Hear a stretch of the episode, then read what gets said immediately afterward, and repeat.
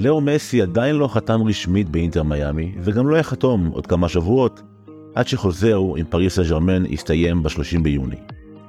הוא נמצא כרגע בסין עם נבחרת ארגנטינה. הוא שיחק בחמישי האחרון נגד אוסטרליה, כבש שער מרהיב, שכולו trademark לאו מסי, ניער מעליו כמה אוסטרלים במהלך מרהיב, שגם הוא כולו trademark לאו מסי, והוא אמור לנסוע לג'קרטה למשחק ביום שני מול אינדונזיה. מסי צפוי לערוך את הופעת הבכורה שלו באינטר מיאמי ב-21 ביולי, באיצטדיון DRV PNK, כן, שם מוזר. אך למרות זאת, עוד לפני שהוא הוצג במועדון, אפשר להרגיש את אפקט לאו מסי בעוצמות בלתי רגילות. מאז הכרזתו, אינטר מיאמי, הקבוצה האחרונה בצד המזרחי של ה-MLS, הגדילה את כמות העוקבים שלה באינסטגרם ממיליון בלבד ל-8.2 מיליון, שזה יותר מכל הקבוצות שמשחקות ב-MLB, NFL ו-NHL. רק לשלוש קבוצות מקצועניות בארצות הברית יש יותר עוקבים. גולדן סטייט ווריורס, לוס אנג'לס לייקרס וקליבלנד קוולירס. למסי יש 470 מיליון עוקבים באינסטגרם. החשבון השני בגודלו בעולם אחרי קריסטיאנו רונלדו ו-575 מיליון עוקבים סך הכל בכל המדיה החברתית. לצורך ההשוואה, ללברון ג'יימס, שהוא הספורטאי הפופולרי ביותר בארצות הברית, יש 235 מיליון עוקבים. השחקן עם הכי הרבה עוקבים ב-MLS כיום הוא צ'יצ'ריטו המקסיקני, עם 22 מיליון עוקבים.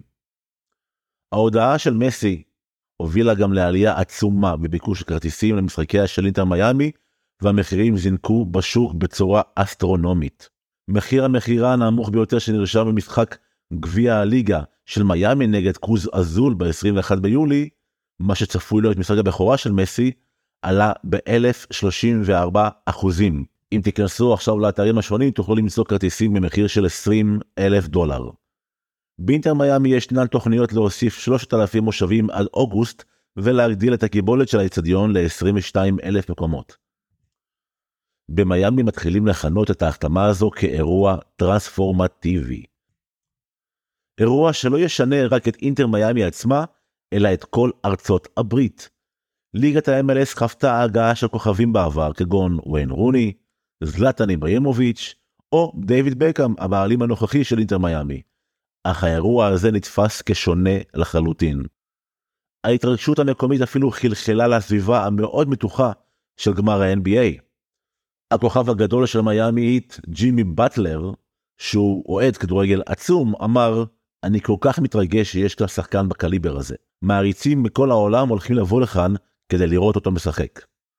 גם מאמן המיאמי היט, אריק ספולסטרה, התראיין בנושא ואמר, זה מרגש, שני הבנים שלי רק מתחילים להיכנס לסוקר, אה, פוטבול, אני מקווה שאני אוכל להשיג כרטיס לכמה משחקים.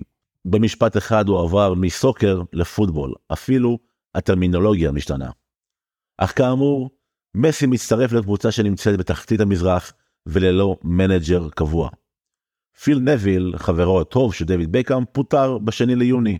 נכון לעכשיו, עוזרו של נביל, קשר ריאל סוט לק סיטי לשעבר, חוויאר מוראלס, ממלא את מקומו. מי שצפוי להיכנס לתפקיד המאמן הוא לא אחר מטאטה מרטינו הארגנטינאי, שאימן את לאו מסי בברצלונה, ואף אימן את אטלנטה יונייטד המקומית. טאטה מרטינו לא יבוא לבד. ג'ורדי אלבה צפוי לחתום בקבוצה בקרוב מאוד, וישנה גם מגעים עם סרפיו בוסקץ, לואי סוארז וגם אנחל דימריה, כל החברים הטובים של לאו מסי. וחשוב לזכור שהעונה רחוקה מלהסתיים. אינטר נמצאת במרחק של 7 נקודות מהפלייאוף, כשהליגה באמצע הדרך, ויש לה גם את חצי גמר הגביע האמריקאי להתמודד בו. זו עדיין יכולה להיות עונה מוצלחת מאוד בסופו של דבר. וזו ליגת ה-MLS, הקבוצה במקום התשיעי מגיעה לפלייאוף. אפשר למזער נזקים בחצי השני של העונה. אך לא הכל ורוד, למרות צבע המדים של אינטר מיאמי. לא מעט אנשים בארצות הברית טוענים שאינטר מיאמי לא מוכנה לוגיסטית למהלך הזה. איצטדיון ה-DRVPNK הוא יצירה אדריכלית מוזרה מאוד. אני ממליץ לכם לחפש תמונות שלו בגוגל. טכנית, אפשר פשוט להיכנס לאיצטדיון מאחת הפינות שלו, הן פתוחות לגמרי. ואם אתם עומדים מחוץ לאצטדיון, באחת הפינות שלו, תוכלו לראות את המשחק מגובה הדשא, גם אם אתם לא נכנסים. שחקן הכדורגל הגדול בהיסטוריה עומד לשחק באצטדיון שנראה כמו גרסה לא מעודכנת של המושבה בפתח תקווה. בנוסף מדובר במועדון צעיר מאוד גם במונחים של ה-MLS. מועדון שהצטרף ל-MLS רק לפני ארבע עונות ועוד לא זכה בתואר כלשהו. מועדון שהכוכב הגדול ביותר שלו כיום הוא ג'וזף מרטינס, החלוץ הקולומביאני בין השלושים, כשהשם השני המוכר ביותר במועדון, לפחות לנו פה בישראל, הוא זה של דיאנדרה ידלין, כן כן, המגן הימני, ששמו הוזכר לפני כמה שבועות כמי שיכול להגיע לשחק בליגה שלנו. הכוכב הגדול ביותר בהיסטוריה המאוד קצרה של אינטר מיאמי היה גונזלו היגואין, ששיחק במדע של הקבוצה בשתי העונות האחרונות בקריירה שלו. אז למה מסי בחר בכלל באינטר מיאמי, ומה הסיבות לכך? תחילה חסות. פאבה ביר גרדן, הבית לספורט בראשון לציון, משדרים את כל אירועי הספורט על מסך ענק ובאווירה שאין שנייה לה. אפי אאוורס ימים ראשון עד חמישי בשעות 5 עד 8, 50% הנחה על האלכוהול ו-20% הנחה על האוכל, ניתן לערוך במקום אירועי ספורט פרטיים עד 60 משתתפים. רוטשילד 83, ראשון לציון. חזרה ללאו מסי. תראו, הסעודים היו אופטימיים מאוד לקראת החתימה של לאו מסי. ההצעה בגובה של 600 מיליון אירו לעונה, זאת בתוספת של 33 מיליון אירו שהוא מקבל בכל שנה בעקבות חוזה השגרירות שחתם איתם, גרמה להם להרגיש מאוד בנוח. אם נסכם את תחושותיהם של הסעודים במשפט אחד, הוא שגריר שלנו, הוא בכיס שלנו, אין סיכוי שהוא יגיד לנו לא. אבל מסי ומשפחתו אמרו לא. מהרגע בו עולם הכדורגל הבין שלאו מסי ופריס סן ג'רמן לא ימשיכו ביחד, נחשפנו לשלושה מועדונים שניהלו ביניהם מרוץ להחתמת אחד השחקנים הגדולים בהיסטוריה של המשחק. יש שיגידו הגדול מכולם. ברצלונה, אינטר מיאמי, על אילל. נדמה היה שזהו מרוץ בין שלושה מועדונים, אך למען האמת זה היה מרוץ בין יבשתי. מרוץ בין אירופה, אסיה ואמריקה.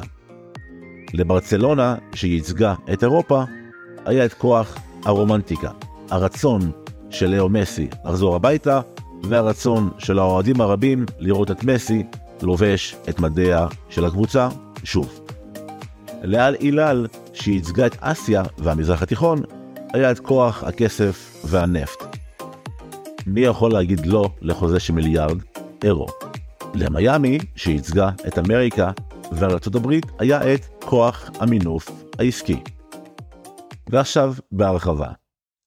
תראו, ברצלונה לא הציעה ללא מסי הרבה כסף. בשיחות בין הצדדים דובר על שכר של 25 מיליון אירו, אך הכסף לא היה באמת הנושא העיקרי בשיחות. רק ההיתכנות להחתימו, בכל מחיר.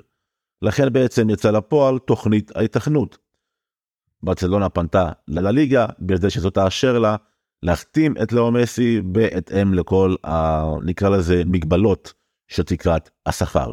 כאמור, זה לא יצא לפועל. למרות האישורים שהגיעו אחרי מאמצים רבים, ברצלונה לא יכלה להגיש ללאו מסי את הערבויות שהוא דרש. מסי אוהב את ברצלונה, או המועדון והעיר.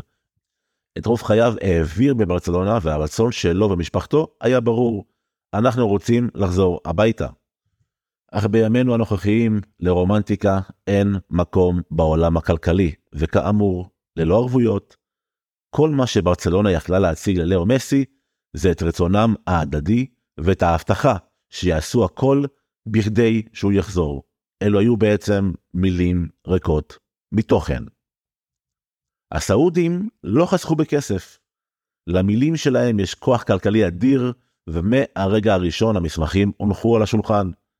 הצעה של 600 מיליון אירו נטו לשנה למשך השנתיים הקרובות. לצורך ההשוואה, לאו מסי הכניס לאורך כל הקריירה סכום של 218 מיליון אירו נטו.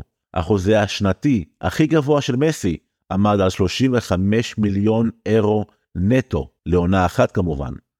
ובערב הסעודית אין מיסים, אין רשויות שרודפות אחריך.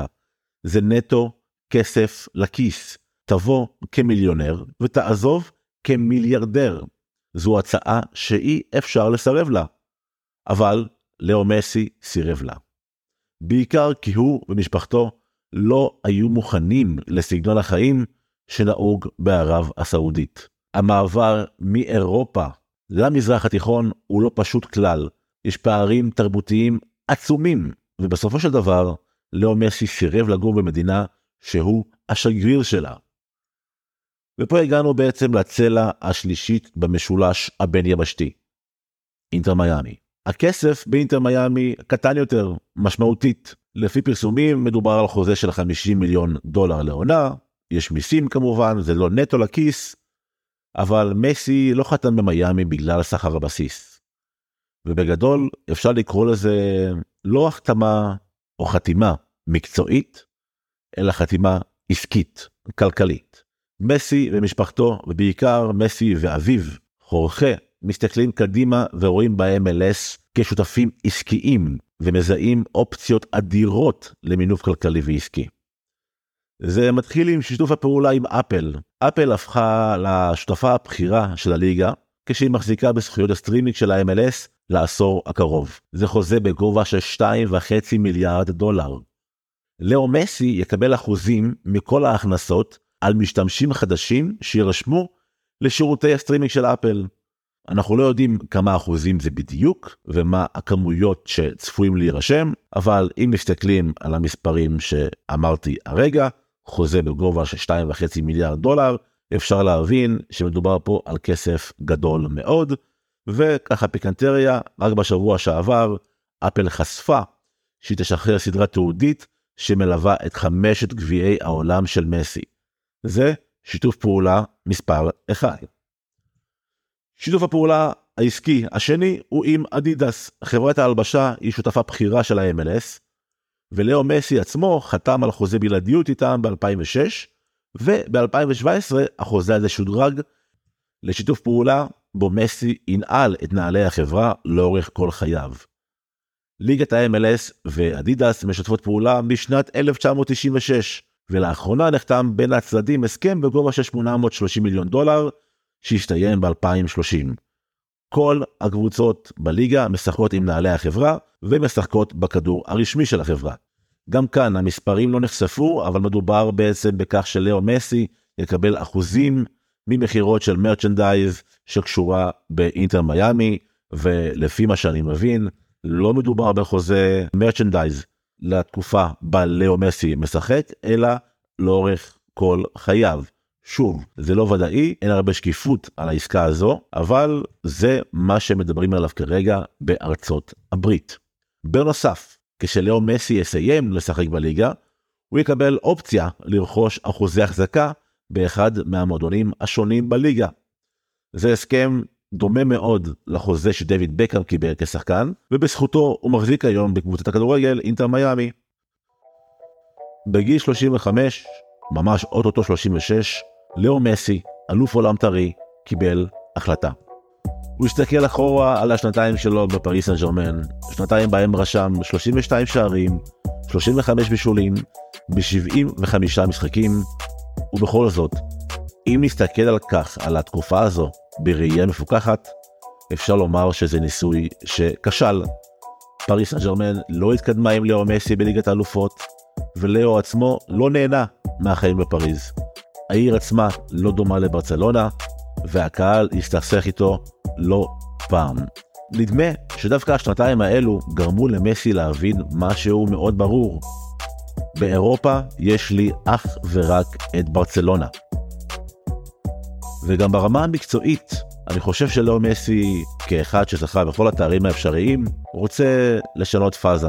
ואם הוא היה חוזר לברצלונה, זה היה נטו בשביל סגירת המעגל. זה היה פחות בשביל הכדורגל והרמה הגבוהה של הכדורגל, אלא אך ורק בשביל לחזור הביתה. ובשנייה שהדלת הזו נסגרה, ההחלטה שלו מסי נהפכה לקלה מאוד. הבחירה שלו לא התמקדה במועדון כזה או אחר, זו לא הייתה בחירה מקצועית לפי איכות, או רמת הכדורגל, אלא בחירה בין יבשתית. או אירופה, ברצלונה, או אסיה, אל הילאל, או אמריקה, אינטר. או לחזור הביתה, לברצלונה, למען סגירת המעגל, הרומנטיקה והאהבה לעיר, וזו בעצם הייתה האפשרות היחידה שקיימת באירופה, או ללכת על הבחירה העסקית, זו שתמנף את עסקיהם העתידיים של משפחת מסי במקום בו הם ירצו לחיות, ובעיקר לעשות עסקים. וזו העיר מיאמי. לפי מחקר של בנק ההשקעות UBS, מיאמי היא העיר השלישית העשירה ביותר בארצות הברית, והשלישית העשירה בעולם בכוח הקנייה. בנוסף, מיאמי היא עיר עם אוכלוסייה היספנית ולטינית של 310 אלף איש אנשים, או 70% מאוכלוסיית העיר. במיאמי יש את החופים, השפה, הקהילה, כולם מתאימים בצורה מושלמת למשפחת מסי. למשפחה יש משקל גדול מאוד בכל החלטותיו השונות של לאו מסי, וכאמור, האבא חורכה הוא גם הסוכן שמנהל את כל הפעילות. ולאו מסי הוא איש משפחה, איש עם שלוש משפחות, משפחת מסי, משפחת ברצלונה ומשפחת ארגנטינה. ואם לא בחר, אם הוא בחר שלא להמתין לברצלונה בידיעה שהמצב הכלכלי שלה מאוד מסובך, ייתכן מאוד שהפוקוס המקצועי שלו עבר באותו רגע, ברגע שבו הוא הבין שהוא לא יכול להמתין לברצלונה, כל הפוקוס עבר אל משפחת ארגנטינה. טורניר הקופה אמריקה 2024 ייערך בארצות הברית. גביע העולם 2026 ייערך גם הוא בארצות הברית, קנדה ומקסיקו. והקופה אמריקה ממש מעבר לפינה, ולא מן הנמנע שמסי ירצה לקחת חלק גם בגביע העולם המתקרב. למרות שהשבוע הוא אמר שהוא לא בטוח לגבי זה, אם ארגנטינה תיראה טוב, ואולי גם, בעזרת השם, תזכה בקופה אמריקה, אולי זה ייתן עוד דרבון ללאו מסי לקראת גביע העולם 2026. ואם הבחירה במיאמי, מסי יזכה להכיר את כל הערים, את כל האיצטדיונים, את כל המגרשים. הוא לא יגיע אל טורניר במדינה זרה, אלא אל טורניר בביתו החדש. בכל הקשור לנבחרת ארגנטינה, אלו הם שיקולים מקצועיים שלבטח נמצאו אצלו בראש סדר העדיפויות. לאו מסי קיבל את ההחלטה. זו החלטה שלא תתקבל בהבנה אצל רוב אוהדי הכדורגל. יהיו את אלו שיתמכו בהחלטה, יסבירו שלאו זכה בכל תואר אפשרי, ואם לא ברצלונה, הוא מעדיף להוריד הילוך, לחשוב על הנבחרת, על העסקים, ובעיקר להיות מוקף במשפחה ובחברים, בוסקץ, ג'ורדי אלבה, אולי סוארז, אולי די מריה. משפחה, חברים וליהנות מהחיים. אבל חלק לא קטן מאוהדי הכדורגל ולאו מסי הסתובבו עם תחושה חמוצה, עם תחושת אכזבה, עם כאב קטן בלב. הרי רק לפני כמה חודשים לאו זכה בגביע העולמי, ורק בעונה האחרונה הוא הציג יכולת נפלאה בליגה הצרפתית. ואם לא ברצלונה, הייתה ציפייה שלאו מסי יישאר איתנו באירופה, ובעיקר יבחר לשחק בפרמייר ליג. ואם לא הפרמייר ליג, אז בליגה האיטלקית. העיקר שיישאר ברמות הגבוהות ביותר של המשחק, ולא בליגה שלא באמת מהווה אתגר מקצועי. שלא יבחר בדרך הקלה מבחינה מקצועית. שלא יגיד לנו חברים, תודה רבה, תודה רבה על הכל, אני אוהב אתכם, אבל זה הסוף, הסוף מגיע. לפחות בכל מה שקשור לכדורגל המועדונים. ואנחנו מסתכלים כאוהדי כדורגל שאין מה לעשות, אנחנו חיה מוזרה. אנחנו אוהבים השוואות, אנחנו תמיד משווים את ההישג הזה להישג השני, את מה הוא אמר ואת מה שאני עשה. ואוהדי הכדורגל הרבים שהתחלקו לאורך כל, ה... אפשר לומר, שני העשורים האחרונים, רוב אוהדי הכדורגל התחלקו לשתיים. אוהדי קריסטיאנו רונלדו ואוהדי לאו מסי. וקריסטיאנו רונלדו עזב את אירופה בגיל 38. לאו מסי עוזב את אירופה בגיל 35. קריסטיאנו רונלדו קיבל ביקורת קשה, נוקבת, יש שיגידו אפילו משפילה בצורה מסוימת, על הבחירה שלו לבחור בערב הסעודית. קראו לו פחדן, קראו לו שפן, קראו לו אחד שלא יודע איך לגמור את הקריירה, ולכן הוא בחר בדרך הקלה. קלה מבחינה מקצועית כמובן, וגם מפנקת מאוד מבחינה כלכלית. ולאו וקריסטיאנו כבר לא איתנו באירופה. אנחנו צריכים א', להתרגל לעולם כדורגל חדש, עולם עם הלנד, אמבפה, ויניסיוס, אלו בעצם הסופרסטארים החדשים. הם אלו שיריבו במרכאות ביניהם על כדור הזהב הבא, על כדורי הזהב הבאים, למרות שסביר להניח שאת כדור הזהב האחרון בתוך uh, תקופת לאו מסי וקריסטיאנו רונלדו יקבל לאו מסי, בעיקר בזכות גביע העולם הנפלא שלו. אך כאמור, אנחנו בסוף של עידן. לאו מסי קיבל החלטה. ב-1 למאי 2005 הוא כבש את שערו הראשון במדי ברצלונה, ואחרי 18 שנים של כדורגל ברמה הגבוהה ביותר, כדורגל שלפי דעתי לעולם לא יחזור, לא ברמת התחכום, לא ברמת הריגוש, לא ברמת העליונות, אחרי כמעט שני עשורים של טוטליות מוחלטת, לפחות בעיניי, לאו מסי בחר לעזוב את הכדורגל האירופי. אבל חשוב לי לומר שהסיפור של לאו מסי עוד לא נגמר. לא היה דבר כמו לאו מסי בהיסטוריה של המשחק. אולי מרדונה, אולי פלא, ממש אולי. אבל מסי מעל כולם, בפער, פער בלתי נתפס, שנה אחר שנה אחר שנה. ולאו מסי הולך להרים את הכדורגל באמריקה בכמה רמות בכל הקשור לחשיפה. אם עד עכשיו ליגת ה-MLS הייתה במעין תהליך של, נקרא לזה, בנייה, הכימיקלים הקטנים שמתחברים אחד לשני, אנחנו עומדים לחזות במפץ הגדול של ה-MLS. לאו מסי שינה את הכדורגל באירופה, שינה את ההיסטוריה של גביע העולם עם הזכייה האחרונה, ולאו מסי הולך לשנות לחלוטין את ארצות הברית. לאט לאט, כמו שאמר אריק ספוסטרה, מאמן ההיט, זה לא יהיה סוקר, זה יהיה פוטבול. והמשחק הזה, משחק הכדורגל, הולך לכבוש את כל היבשת הצפונית, וכל זה בזכות אחד בשם לאו מסי. אז תודה לך מסי על כל הרגעים הגדולים, הבלתי נתפסים, שאני לפעמים לא, לא מעט, אגב, מוצא את עצמי רואה שוב ושוב ושוב ביוטיוב, ממש בלופים, ותודה לכם שהאזנתם לפרק הזה, ונשתמע בפרק הבא. יאללה ביי.